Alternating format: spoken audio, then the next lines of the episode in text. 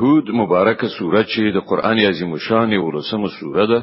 په مکه معظمه کې را نازله شوې ده یو سل درویشت آیاتونه لري تلاوت او پښتو ترجمه یې له لومړي آیت څخه اوري بسم الله الرحمن الرحیم د الله په نوم چې ډیر زیات مهربان پورا رحم لرونکی دی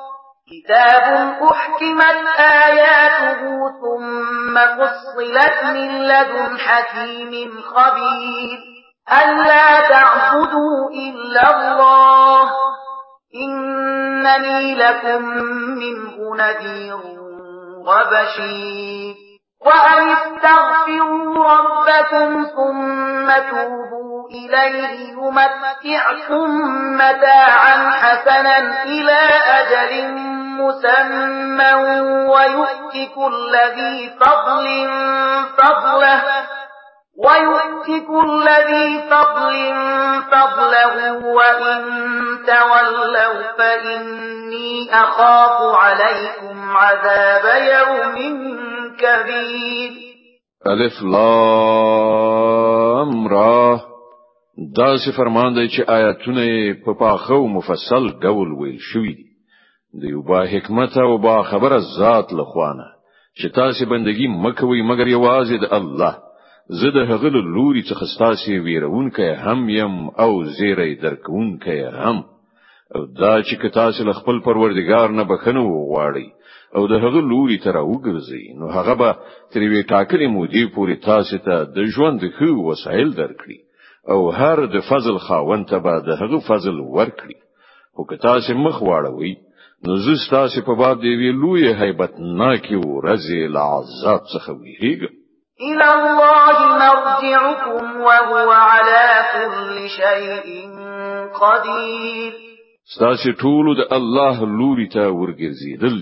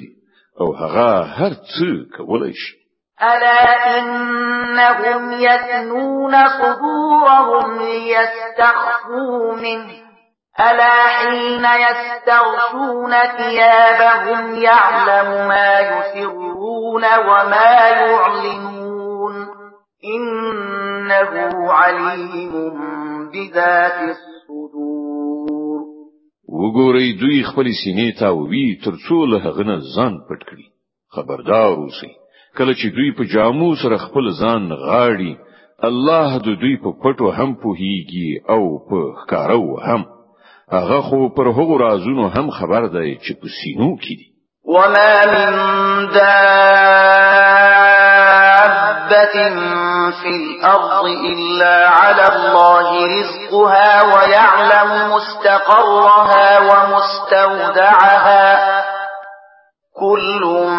في كتاب مبين پزمکه کې هیڅ داسې کوم خوځند ساکښ نشته چې د هغه روزي د الله په غاړه نه وي او د هغه په باب هغه نه پوهیږي چې هغه چیرته اوسیږي او چیرته هغه سپارل کیږي هر څه په یو روښانه دفتر کې ثبت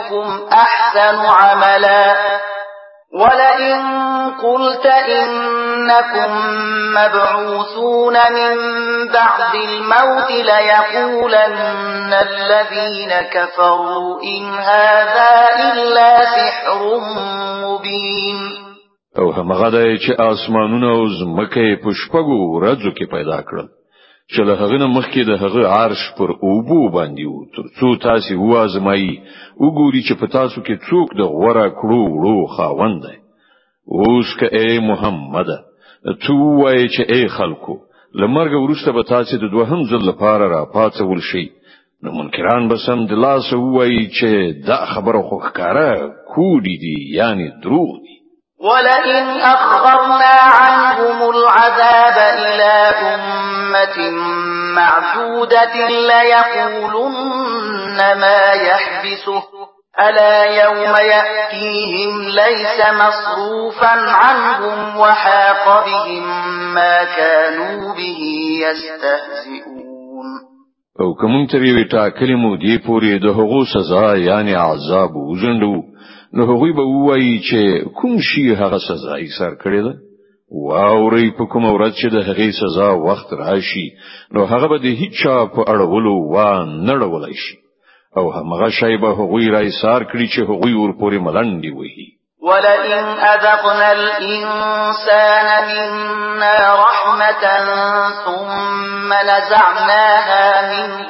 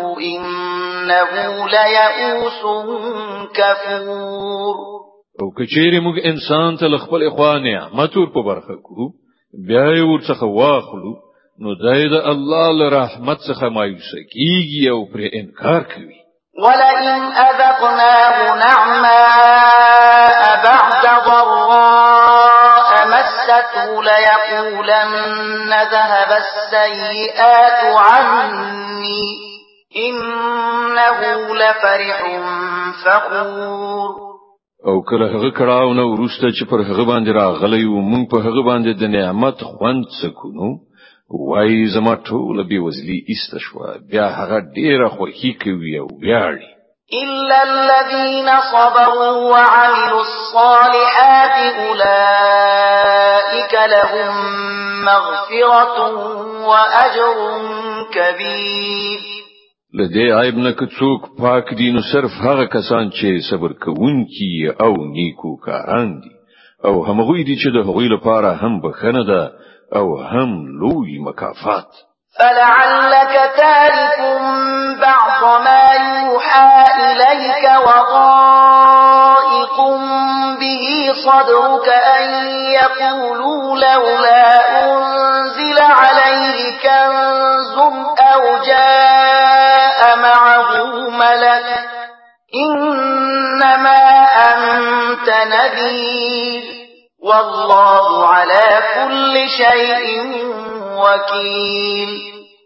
نو اے پیغمبره چیرته داسې نوی چې تل هغه شیانو څخه کوم شی لوي نه نه پریږدي چې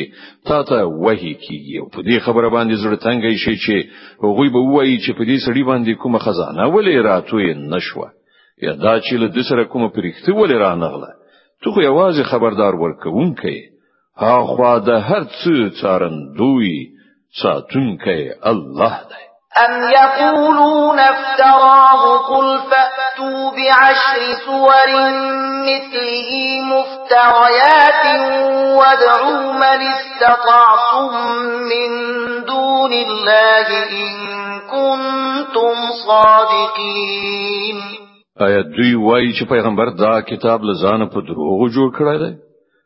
وای ښا که داسې دنو د دې په څیر لاس صورتونه په دروغو جوړ کړي راوړي او له الله نه پرته نور چې هر څوک ستاسو معبودان دي هغه کده مرسته لپاره را بللی شي نو راوی بلې که تاسو د دوی په معبود ګڼلو کې ریښتینی یاست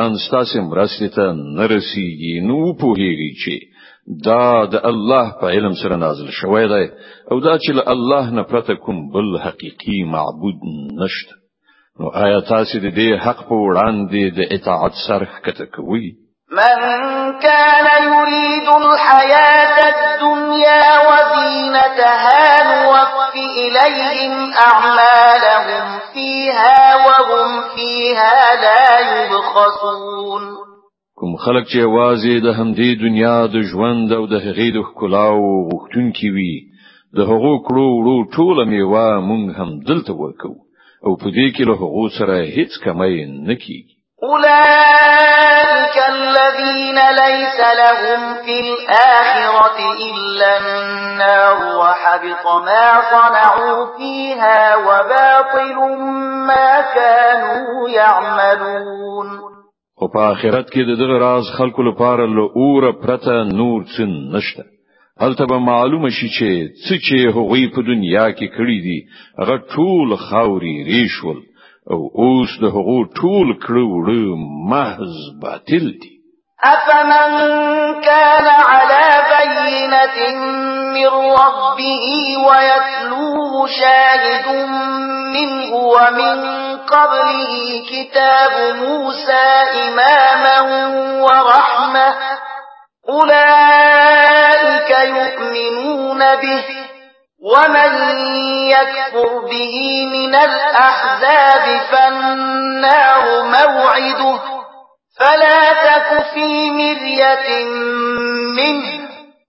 إنه الحق من ربك ولكن أكثر الناس لا يؤمنون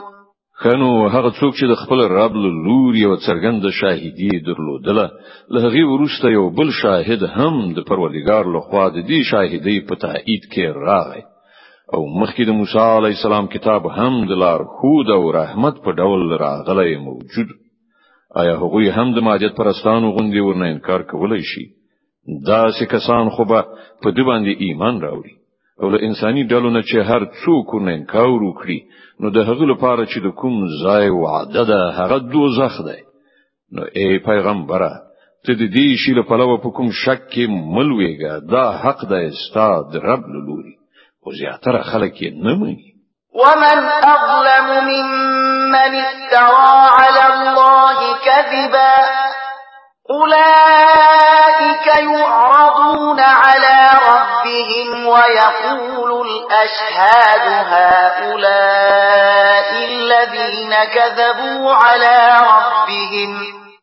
الا لعنت الله على الظالمين او له هغه چانه به بل غټ ظالم څوک وي چې پر الله باندې دروغ وتړي د غراز خلق به خپل رب حضور ته وړاندې کړی شي او شاهدان به شاهدی وایي چې دا دی هغه خلق چې پر خپل رب باندې دروغ تړي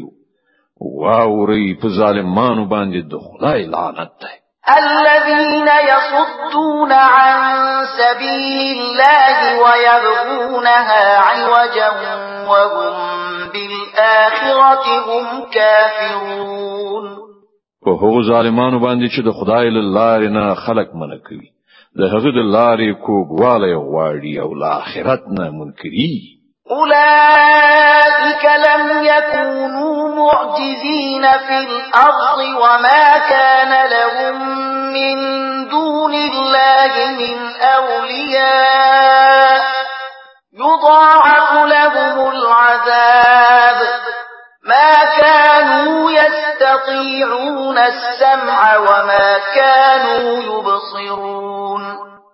دوی په ځمکه کې د الله به وسی کوونکی نو او نه د الله په مقابله کې څوک د دوی ملاتړ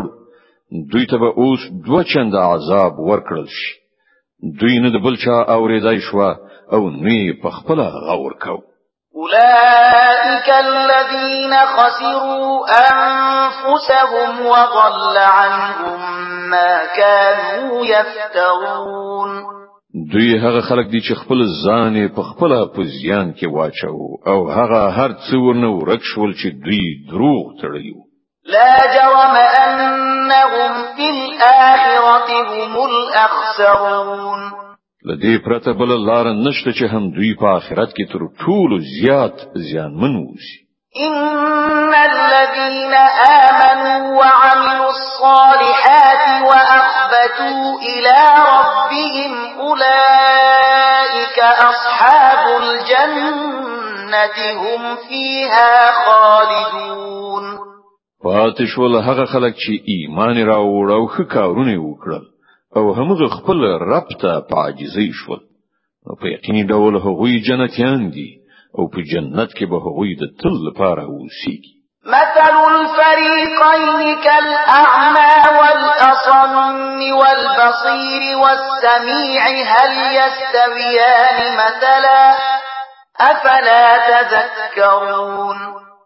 د دې دواړو ډلو مثال داسې دی لکه چې یو انسان روند کون یو بل لیدونکی او اوریدونکی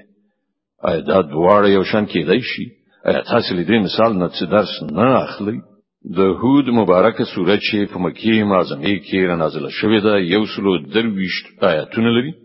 تلاوت او پښتو ترجمه یې له 25م آیت څخه اوري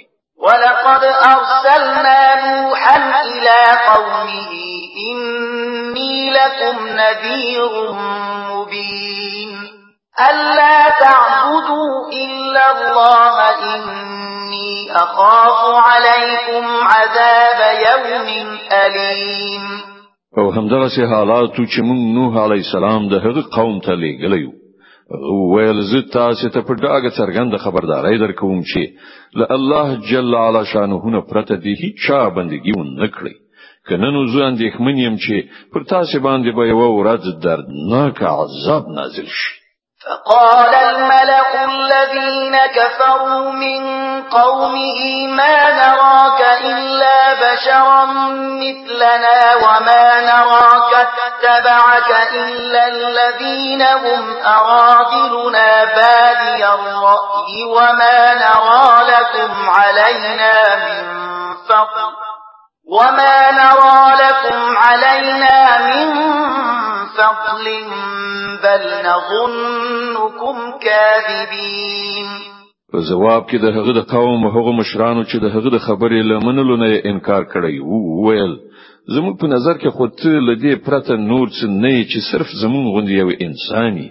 او موږ به ګورو چې زموږ له قوم نه صرف هغو کسانو چې زموږ په نظر ټیټ خلک او بې فکر او سنجش ایستا پیروي غوړه کړې ده او موږ هیڅ شی هم داسې نه مومو چې په هغه کې تاسو له موږ نه څه تفوق ولرئ بلکې موږ خو تاسو دروغ جنګ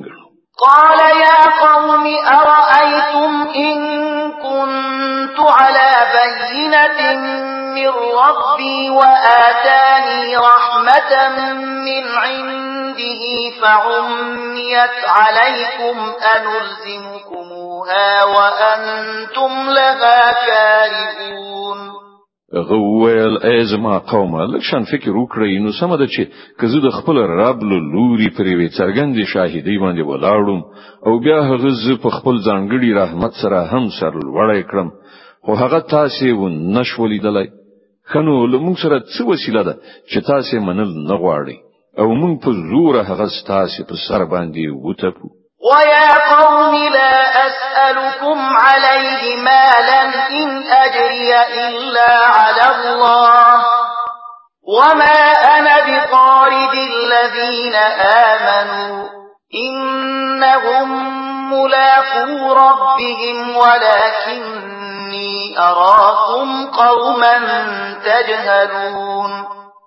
او اے قومه زه په دې وظیفه باندې له تاسو نه کوم مال نه غواړم زما اجر خو په الله باندې دی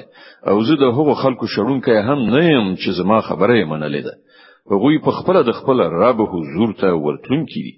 او زه ګورم چې تاسو جهالت غوړه کوئ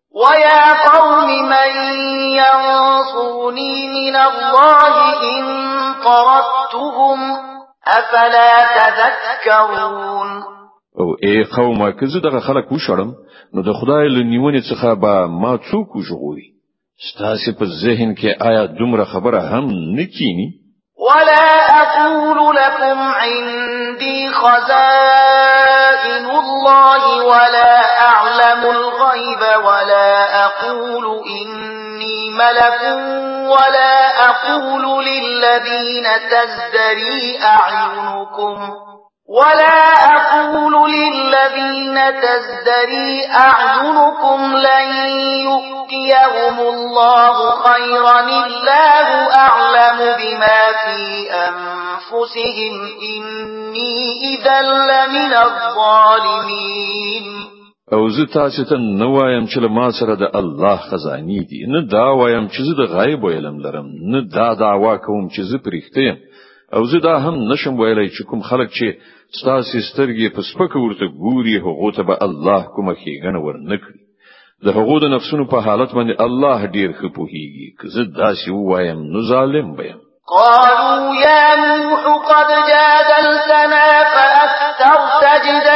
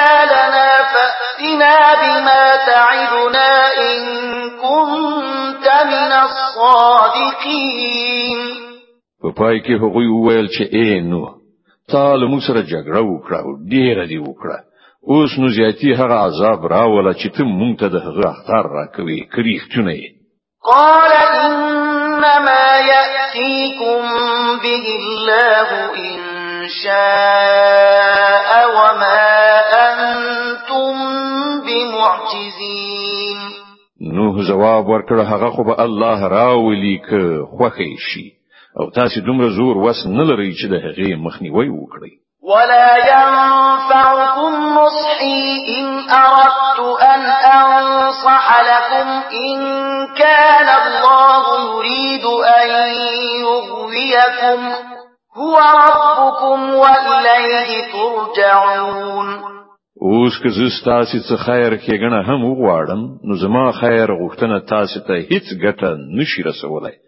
کله چې الله ستاسو د بیلاری توب اراده کړی هغه ستاسو رب دی او د همغه لوري ته ستاسو ورستنی دل أم يقولون افتراه قل إن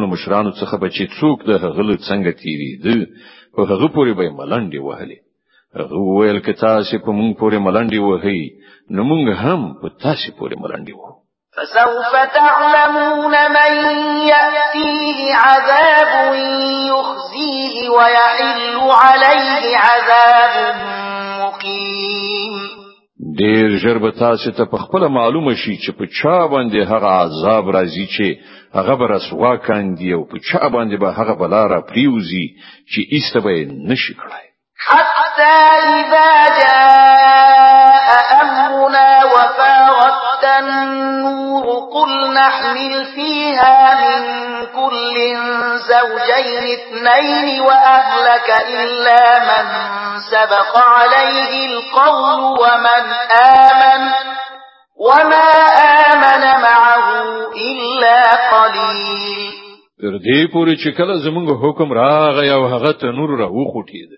نو مونږ ویل د هر جنس څخه یو یو جوړه په بیړۍ کې واچو خپل کورنۍ هم پرته له هغو کسانو څخه چې مخکې د هغو په باب وینا شوې ده په دې کې سپاره کړه او هغه کسان هم کینه و چې ایمان راوړای دی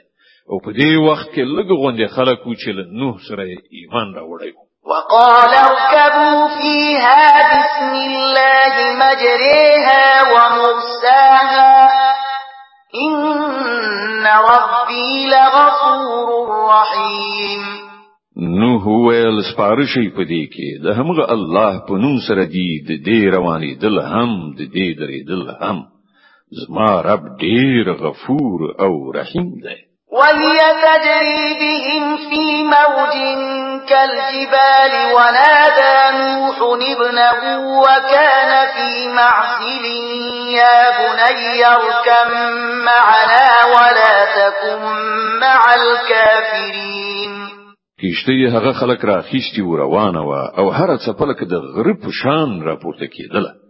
د نوح زوی په لری فاصله کې و نوح علی السلام ورته غږ کړ زویا لمک سره سپور شه د کافرانو سره مو اوسه صدق الله العظیم الله ستر رښتیا ویونکی دی